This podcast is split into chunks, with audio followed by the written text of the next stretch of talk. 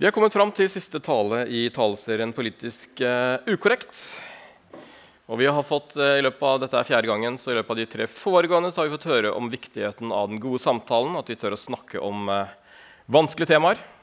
Vi har fått høre om Israel, og sist søndag talte Odd Arild Berge om samliv og touchet inn på temaer som enslig stand og homofili. Det har vært mye skryt av den talen i ettertid, og den ligger også på YouTube. Så hvis du ikke har hørt den, så anbefaler den. Uh, da finner du den altså der. Og Det er mye vi kunne ha snakket om i denne taleserien, for det er mange ting som er politisk ukorrekt i Norge i dag. På fredag så leste jeg et uh, leserinnlegg på P3 Meninger, uh, ung stemme, av en som het Markus på 20 år, som skrev at han på mange måter har valgt å være politisk ukorrekt gjennom å ta det valget å ikke drikke alkohol. I fjor så slo eh, Vinmonopolet alle rekorder hva salg angår. Og under pandemien så var stenging av eh, polet noe som skapte mest eh, ramaskrik og innlegg i medier og blant politikere. Så man kan vel si at det å ikke drikke alkohol kan nok ses på som relativt politisk ukorrekt i Norge i dag. Markus skriver at han ofte får spørsmål som 'Hvorfor drikker du ikke?' 'Er du avholds?' 'Kom igjen, da! Du blir ikke full av to øl.' Og han sier, 'Jeg drikker ikke. Det er egentlig bare fordi det ikke smaker noe godt. Det er ikke noe mer.' Og denne begrunnelsen er sjeldent god nok. Selv om det er mitt valg, sier han, så er jeg lei av fordommene jeg møter. Det gjør at det ikke er så gøy for meg å bli med på fest. Jeg har ikke noe mot å være med folk som drikker litt, men når formålet med aktiviteten er å drikke alkohol, så gidder jeg ikke å bli med, sier han. Og Dette er bare et eksempel på at det kan være vanskelig å gå mot strømmen og ta andre valg enn det flertallet mener, slik han opplever. Hvis man ikke gjør som alle andre, så kan man bli sett på som litt rar eller litt sær.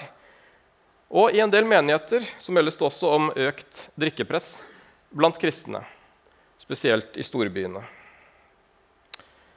Statistikk viser altså at andelen av de som er totalavholds blant kristne, den er halvert siden 80-tallet.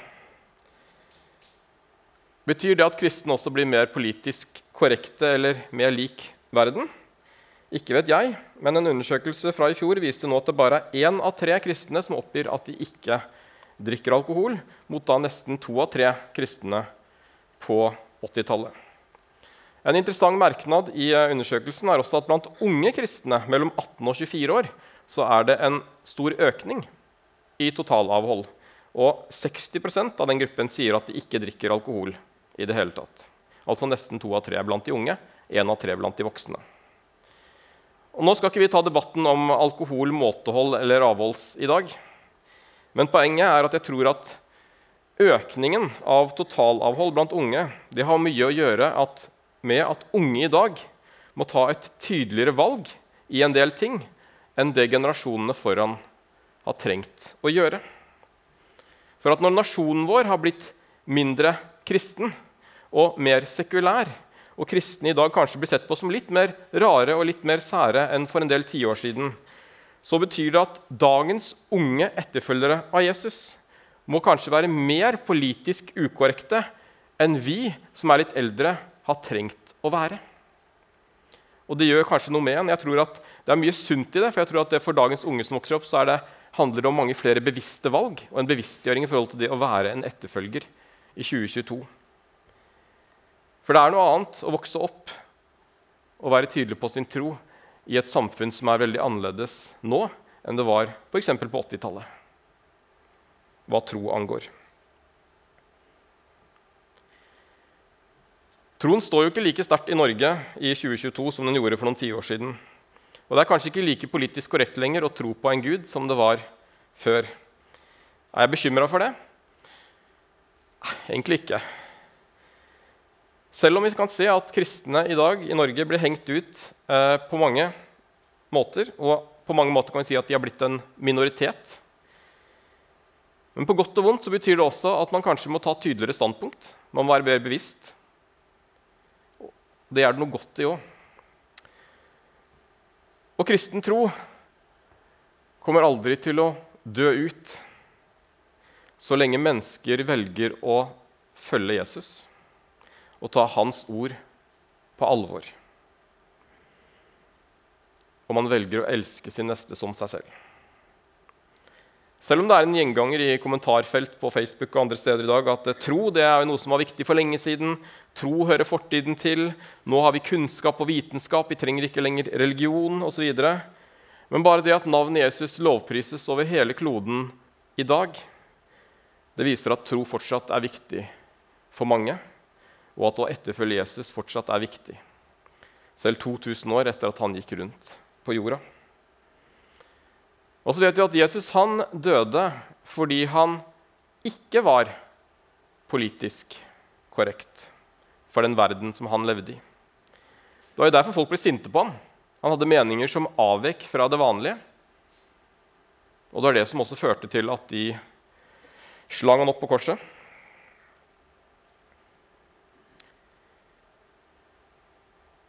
Og Selv om vi også kanskje kan tenke at uh, alt skal være politisk korrekt i Norge i dag, så er det også interessant at en undersøkelse i Norge i fjor, i 2021, viser at uh, syv av ti nordmenn mener at politisk korrekthet er et problem. Så det er ikke alle heller som er like glad for alt det som vi kan kalle politisk korrekt likevel. Og Det spesielt tror jeg handler om når vi skal på en måte kanskje sensurere ting eller fjerne ting som ikke er helt mainstream, og litt det jeg snakka om i første talen i denne serien. Dette med cancel culture. For jeg tror at vi trenger, vi trenger mangfoldet, og vi trenger religion også i Norge i 2022. Så det jeg egentlig har lyst til å snakke om i dag i denne siste taleserien i Politisk ukorrekt, handler egentlig ikke om å snakke om noe som er politisk ukorrekt i Norge i dag, sånn som vi har gjort nå de andre søndagene, men jeg ønsker egentlig å utfordre deg til å være mer politisk ukorrekt i ditt liv. Og det kan du gjøre gjennom å være en etterfølger av Jesus i 2022 og tenke hva ville Jesus gjort i ulike situasjoner. For hvis du handler som Jesus i dag, så kan det hende at du vil bli sett på som litt rar og litt sær og litt politisk ukorrekt. Men jeg tror også det ville vært veldig spennende. For en politisk korrekt kristen eller en politisk korrekt kirke er antagelig ikke en god ting.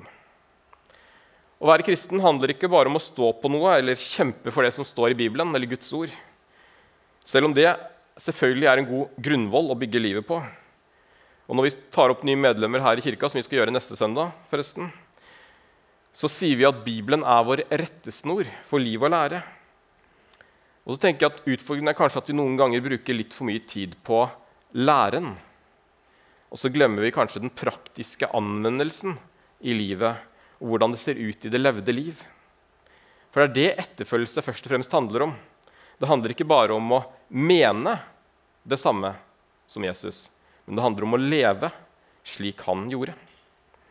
Ikke bare høre og lære, men det levde liv. Jesus var som sagt politisk ukorrekt i eh, sin samtid. Som jeg snakket om eh, i første delen av denne taleserien, så tok han inn hos tolleren og synderen Sakkeus og spiste med han. og Det imponerte ikke folk. De ble sinte. Og Det sto i teksten om Sakkeus at men alle som så det, murret og sa han tar inn hos en syndig mann. Og i eh, Lukas 15,1 der kom det plutselig noe helt annet. Hva skjedde? Uh, der, ja. I Lukas 15 igjen så står det at uh, alle tollerne og synderne holdt seg nær til Jesus for å høre ham. Men fariseerne og de skriftlærde murret og sa seg imellom denne mannen tar imot syndere og spiser sammen med dem.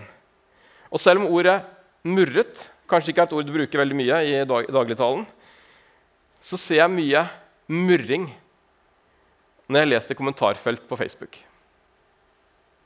Det er, ikke, er ikke lurt å lese kommentarfelt på Facebook ofte. Det er, det er, mye murring. Og det er ikke blant de skriftlærde fariseerne som murrer, men det er blant vanlige kristne, vanlige mennesker, som murrer mot hverandre. Murrer mot politikerne, murrer mot verden og folket og hverandre. Og jeg tror at nordmenn er altfor gode på murring i dagens samfunn, og at sosiale medier på mange måter har gitt murringen en plattform. Så hvis du liker å murre, så er du sikkert mye på Facebook. Der er det lett å murre. Murre mye. Og vi tar med oss eh, det Lukas 5 her er en del tekst, men det står at Levi holdt et stort selskap for ham hjemme hos seg, og en hel del tollere og andre var sammen med dem til bords. Fariseerne og de skriftlærde blant dem murret igjen, de murra hele tida, og sa til disiplene.: Hvorfor spiser og drikker dere sammen med tollere og syndere? Men Jesus svarte dem, det er ikke de friske som trenger lege, men de syke. Jeg er ikke kommet for å kalle rettferdige, men syndere til omvendelse. Det er så mye murring altså, i, i Nytestamentet, og det er ofte fariseerne og de som murrer. Men når vi ikke har så mange fariseere i dag, eller hvem er fariseeren i dag? da? Er det vi som murrer? Er, er vi da fariseere? Jeg bare spør. Altså, Misjonskirken Norge har fra starten hatt visjonen. Det var motto før, og så har det blitt visjonen etter hvert. Guds barns enhet og menneskers frelse. Før var det Guds barns enhet og synderes frelse, men bytta ut syndere med mennesker. Men poenget er det samme. på en måte. Det var det sentrale når Misjonskirken Norge starta opp. Det er fortsatt det sentrale og viktige. Jeg er veldig glad i den. Guds barns enhet og menneskers frelse. Og når de starta opp i 1884, når Visjonskirken Norge ble starta, så sa de at det er, det er, andre ting vi kunne diskutert i det brede og det lange. Eh, men la oss vedta samvittighetsfrihet i eh, dåpssyn, i nattverdssyn, i medlemskap i andre kirker. og sånn. Men la oss samles rundt Jesus og vinne mennesker for han. La oss jobbe med andre menigheter på tvers, Guds barns enhet, og la oss ha fokus på mennesker og menneskers frelse. For Misjonskirken Norge ble nemlig starta ut fra en vekkelse som førte til oppstarten av flere menigheter som gikk sammen og laga et forbund, Misjonsforbundet, som siden skifta navn til Misjonskirken Norge. Og Selv om det var politisk ukorrekt på mange måter å likestille kvinner og menn i 1884, kvinner hadde ikke fått stemmerett i Norge, og sånne ting, så sa Misjonskirken fra dag én at kvinner og menn har stemmerett på lik linje. Kvinner kan også tjene, kvinner kan sitte i lederskap, kvinner kan være pastor. De var rause, de var djerve, og de gikk foran, forut sin samtid. Og Kanskje så trenger vi i 2022 å finne tilbake til noe av den driven som de hadde, som de ble enige om å enes om, og jobbe litt for det. Og hvordan ser det ut i 2022? Å være litt forut sin tid, å være rause, å være djerve. Hvordan ville det sett ut hvis Misjonskirken Norge skulle vært stifta i dag? Hva hadde vært viktig for oss da? Guds barns menneskers frelse da fortsatt, eller ville det vært noe helt annet? Bare spør. For når Jesus ble spurt om hva som var det viktigste budet, så svarte han i eh, Matteus 22, 37-40, at du skal elske Herren din Gud av hele ditt hjerte, av hele din sjel og all din forstand. Dette er det største og første budet, men det andre er like stort. Du skal elske din neste som deg selv, og på disse to budene hviler hele loven og profetene. Og det var dette Jesus praktiserte og levde ut og så kan man si at det, det høres jo ikke så veldig politisk ukorrekt ut å elske Gud og elske mennesker. Men det var faktisk det. Og det er kanskje det også i dag. Spesielt å si at vi elsker Gud. Men Jesus praktiserte dette, og alt det andre sa han, det hviler på det her. Og Gang på gang så viser Jesus at kjærligheten og nåden til mennesker det var større enn lover, regler og påbud. Vi har jo fine eksempler i Johannes 8, eh, når denne kvinnen ble grepet i ekteskapsbrudd. hvor det står at Da kom de skriftlærde farserende med en kvinne som var grepet i ekteskapsbrudd. De førte henne frem og sa, 'Mester, denne kvinnen er grepet på fersk gjerning i ekteskapsbrudd.' 'I loven har Moses påbudt oss å steine slike kvinner.' Men hva sier du? Det står ikke 'murra' her, men de murra her òg. De murra mot denne kvinnen. Eh, og Dette sa de for å sette ham på prøve, så de kunne få noe å anklage ham for. Jesus bøyde seg ned og skrev på jorden med fingeren og videre. Men da de fortsatte å spørre, rettet han seg opp og sa, 'Den av dere som er uten synd, kan kaste den første steinen på henne.' Så bøyde han seg ned igjen og skrev på jorden, og da de hørte dette, gikk de bort én etter én, de eldste først. Og Til slutt var Jesus alene igjen, og kvinnen sto foran ham. Da rettet han seg opp og spurte, 'Kvinne, hvor er de? Har ingen fordømt deg?' Hun svarte, 'Nei, Herre, ingen.' Da sa Jesus, 'Heller ikke jeg fordømmer deg. Gå bort og synd ikke mer fra nå av.' Selv om det var tydelig i loven, at hun hadde gjort noe galt. Hun hadde brutt en, en lov. Og Vi vet ikke grunnen til det, vi vet ingenting om bakgrunnen. Men hun hadde brutt noe av det som de mente var viktig å holde disse skriftlige for de var jo nøye på loven. Så sa Jesus at heller ikke jeg fordømmer deg, og den som er uten synd, kan kaste den første steinen. Og det er det forbildet vårt sa, han som vi skal være etterfølgere av. Og så tenker jeg at allikevel er vi kanskje altfor ofte flinke til å kaste steiner i dag. Når noen gjør noe galt. Når noen bryter loven eller reglene eller påbudene. Men Jesus han eh, løftet henne opp og ga henne en ny sjanse. Så betydde ikke det at alt hun hadde gjort, var greit. Og Selv om vi ikke vet hvordan det gikk videre med denne kvinnen, så tror jeg at den nåden Jesus møtte henne med, den gjør noe med henne, eller gjorde noe med henne. Og Det ser vi også når han møtte andre mennesker på samme måten som kvinnen ved brønnen, som Sakkeus og mange andre. Så ble de møtt med kjærlighet og ikke en pekefinger. Og så fikk de nye liv. Og så valgte de antagelig å følge Jesus fordi de hadde møtt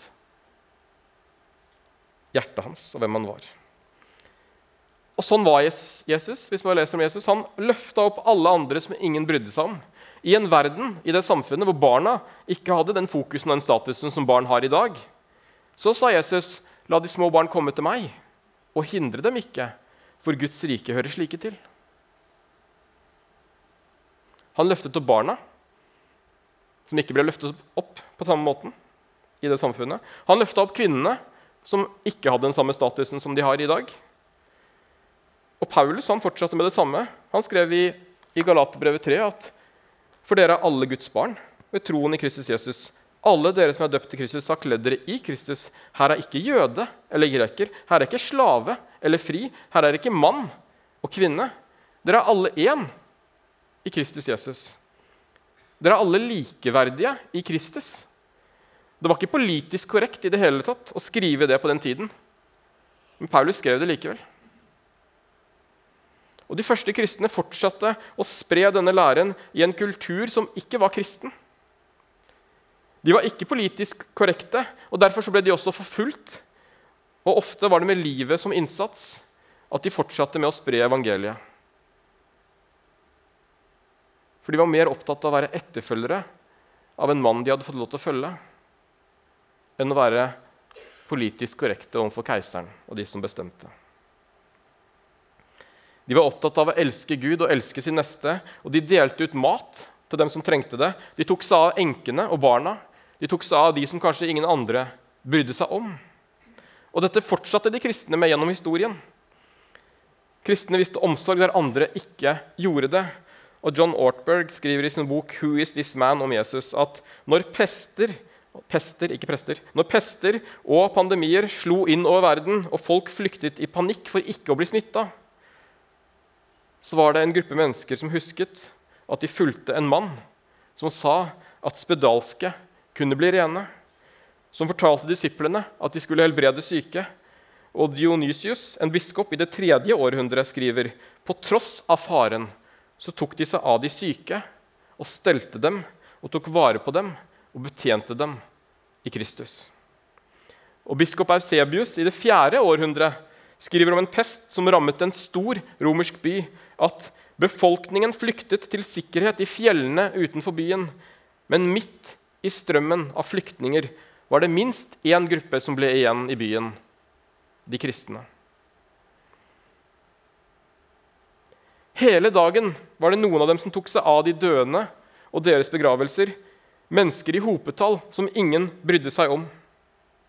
Andre samlet sammen de i byen som led under hungersnøden, og delte ut brød til dem alle.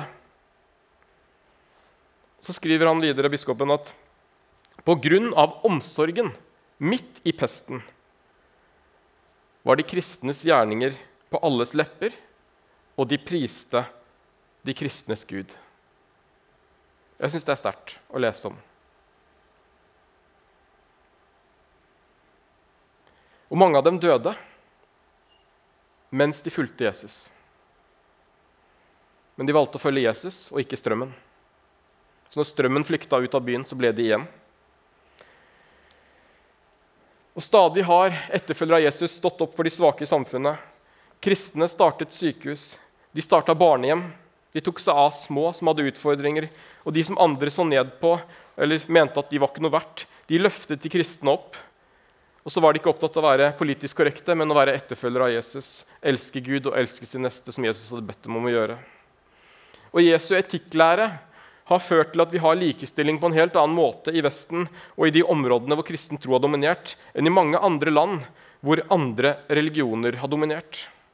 Det er fortsatt mange land i verden hvor det kanskje er rangsystemer, kastesystemer, slaveri på en helt annen måte, hvor det er ulik status på mennesker, for de har ikke hatt den etikklæren til Jesus som grunn, som vi i Vesten har hatt, og som har gjort noe med samfunnet vi lever i. Og hvis færre blir kristne i Norge i dag,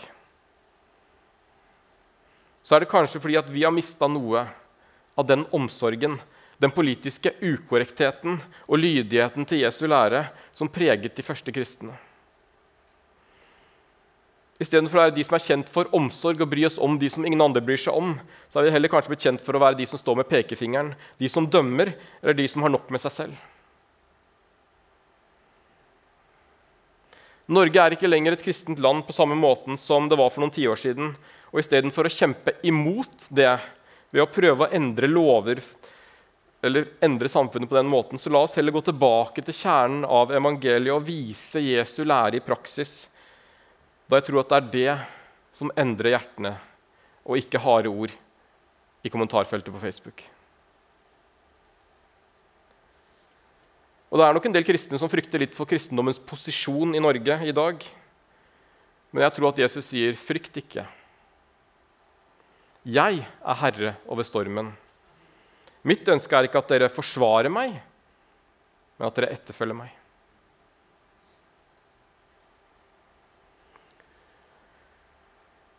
Disiplene fulgte Jesus, og de forsvarte Jesus, om nødvendig med sverd. Men det var ikke det Jesus ønska. Vi skal ta med en spesiell historie som vi finner i Lukas 22, vers 47 utover. Hvor det står mens han ennå talte, så kom det en stor flokk. og Foran dem gikk han som het Judas, en av de tolv. Han kom bort til Jesus for å kysse ham, men Jesus sa til ham, 'Judas, du forråder du menneskesønnen med et kyss.' De som var med Jesus, skjønte hva som ville skje, og spurte, 'Herre, skal vi gripe til sverd?' Og en av dem hogg et øversteprestens tjener og kuttet av ham det høyre øret. Men Jesus sa, 'La det være med det.' Og han rørte ved tjenerens øre og helbredet ham. Altså Denne historien den står litt ulikt i de ulike evangeliene. og I Johannes så står det at det er Peter som eh, tar sitt sverd og hogger av dette øret. Men jeg tenker at det var en, en naturlig reaksjon fra disiplene. De ville forsvare Jesus, mesteren deres, som ble angrepet. Og så var de villige til å slåss for Jesus. De var villige til å gripe til sverd for Jesus, men så sa Jesus, 'La det være med det.' Og så helbredet han øret. Og Det kan være lett å reagere med sinne eller reagere som disiplene når vi kjenner at Jesus ble angrepet, eller kristen tro ble angrepet i Norge i dag. Men Jesus oppmuntret oss til å vende det andre kinnet til. Og Hvor ofte prøver ikke vi å hugge av ører i debattfelt eller i muntlige diskusjoner eller i kommentarer. Eller vi kaster steiner på de som ikke lever opp til den standarden som kanskje noen mener at man bør. Det å elske våre fiender det er ikke politisk korrekt. Å si i dag at Putin kan tilgis om han vender om, det er nok ikke politisk korrekt. Men det er allikevel Jesu budskap. Og Bibelens budskap at hver den som tror på ham, ikke skal gå fortapt, men ha evig liv. Så er det ingen som klarer å leve opp. Og Derfor er vi avhengig av nåden. Og iblant er vi også avhengig av nåden fra våre medmennesker.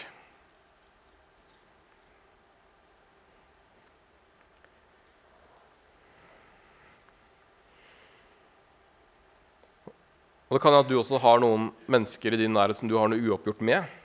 Og det er heller ikke politisk korrekt å tilgi alltid heller. Men vi er likevel kalt til å gjøre det. Og det er sjelden du hører politikerne innrømme feil eller be om tilgivelse om man har gjort noe galt. Det handler heller kanskje ofte om å beklage hvis noen opplevde det sånn, eller hvis noen misforsto, eller ja, beklager at du følte det sånn. Så det er faktisk politisk ukorrekt å være ærlig, vil jeg si, og Derfor er det så frisken også når noen er det, og sier, sånn, sier, det som det er. Og så trenger vi å lære å tilgi hverandre. Og det å gå og bære på bitterhet eller sinne pga. en konflikt eller krangel eller et brudd eller et eller annet, det er ikke godt. Og hvis du har noe der med noen mennesker, så ikke sitt og vent på at den andre skal ta det første steget, selv om du kanskje mener at det er den som bør gjøre det. Men vær større. Vær raus. Vis nåde. Tilgi.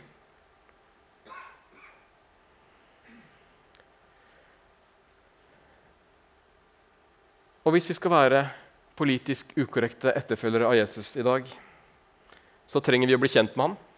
Vi trenger å praktisere troen, vi trenger å studere ordet, og vi trenger å bygge gode vaner.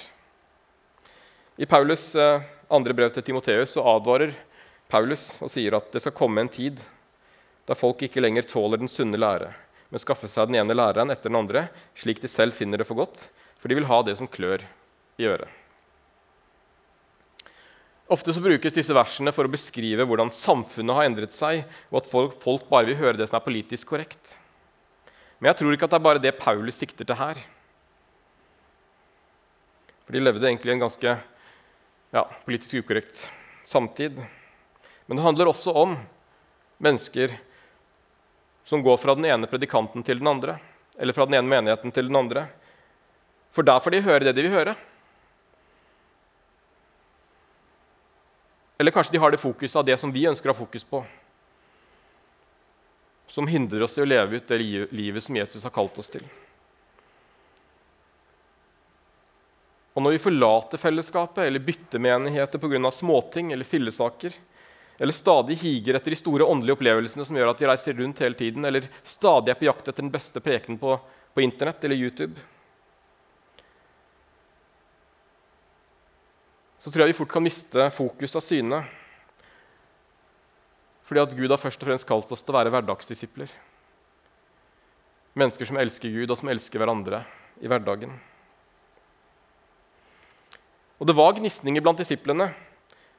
Men de fant seg ikke en ny mester av den grunn. De holdt seg til Jesus, de fant ut av det, de tilga. Og noen ganger er vi kanskje litt dårlige til å finne ut av ting. Og Jeg skal gå mot en eh, en landing. Men jeg, Vi har henvist en del i vår til eh, Stian Kilde Aarbrot sin uh, bok 'Kunsten å forme livet'. Og Vi har lest den uh, i, sammen med pastorene i Misjonskirken her i Aust-Agder gjennom et års tid. og møttes en gang i måneden og studerte den. Og vi har akkurat lest den ferdig. Og imot slutten av boka i de siste kapitlene uh, så skriver han vi må være langt mer bevisste på omgivelsene våre, fordi de påvirker oss mest når vi ikke tar hensyn til dem. Samfunnet er fullt av sekulære liturgier som vi stadig tar del i, og som former oss. Derfor så trenger vi i våre liv sunne motliturgier, de gode vanene vi gjør sammen som kirke, i fellesskap og hver for oss. Neurovitenskapen sier at alt vi gjør med kroppen, speiles i hjernen. Neurovitenskapen sier også at det vi gjør med kroppen, speiles i andres hjerner. Derfor så former vi verden ved våre synlige handlinger. Og Så sier han også at gudstjenesten er den viktigste vanen man kan ha. Og Så deler han i boka historien om Tone, som fikk en aha-opplevelse om at hun trengte å forplikte seg til en menighet over tid fordi hun søndag etter søndag hadde lett etter den beste taleren, og kristenlivet hennes hadde blitt en åndelig shopping, som hun beskrev det selv. Som hun ikke fikk noe ut av når alt kom til alt, bortsett fra at hun kanskje ønsket stadig å høre det som klødde i øret. Og så må vi passe oss at vi ikke blir mainstream-etterfølgere som gjør som alle andre, men som tør å søke til kilden, og som tør å være etterfølgere som kanskje skiller seg litt ut og som tør å bli sett litt rart på i Norge i 2022, men som allikevel tar sitt kors opp og velger å stå i det. For det var det Jesus kalte oss til. Det er litt sånn DC Talk, sang på 90-tallet, som jeg vokste opp med. What will people think when they hear that I'm a Jesus freak? What will people do when they find that it's true? I don't really care if they label me a Jesus freak. There ain't no disguising the truth tørre å bli sett på som en Jesus-freak i 2022. Det koster kanskje enda mer enn på 90-tallet. når jeg vokste opp. Men jeg tror at det er eh, den veien vi trenger å gå. Og Kanskje er ikke det viktigste å mene rett i alt, men i alt å gjøre det man mener er rett, og tørre å være en etterfølger, en disippel, selv om det koster iblant. Vil du være med på det? Vi kan i hvert fall be om det. At vi må tørre å få den kraften og den frimodigheten som vi trenger til å være en etterfølger i 2022. Kjære far, takk for at vi kan få lov til å samles til gudstjeneste her i et fritt land. Takk at vi kan få lov til å tilbe deg sammen, ha fokus på deg og høre om deg. Må du hjelpe oss til å være etterfølgere av deg, også i hverdagen, far. I møte med andre mennesker, far. Gi oss din visdom, far. Gi oss din frimodighet og kraft, far. Til ikke bare se på hva som er politisk korrekt eller ikke, men til å se på hva du gjorde, hvordan du ønsker at vi skal leve. Gi oss ditt sinnelag, far. Vi kan få lov til å være etterfølgere av deg. Ber også om at mennesker skal få lov til å se på handlingene våre. Si at vi ønsker å løfte opp de som kanskje ingen andre ønsker å løfte opp, far. Være et mennesker som viser omsorg, far, for de rundt oss. Sånn som vi alltid har gjort, far. Takk at du velsigner hver enkelt som er her, far. Velsign relasjonen til deg. Vi ber Jesu navn. Amen.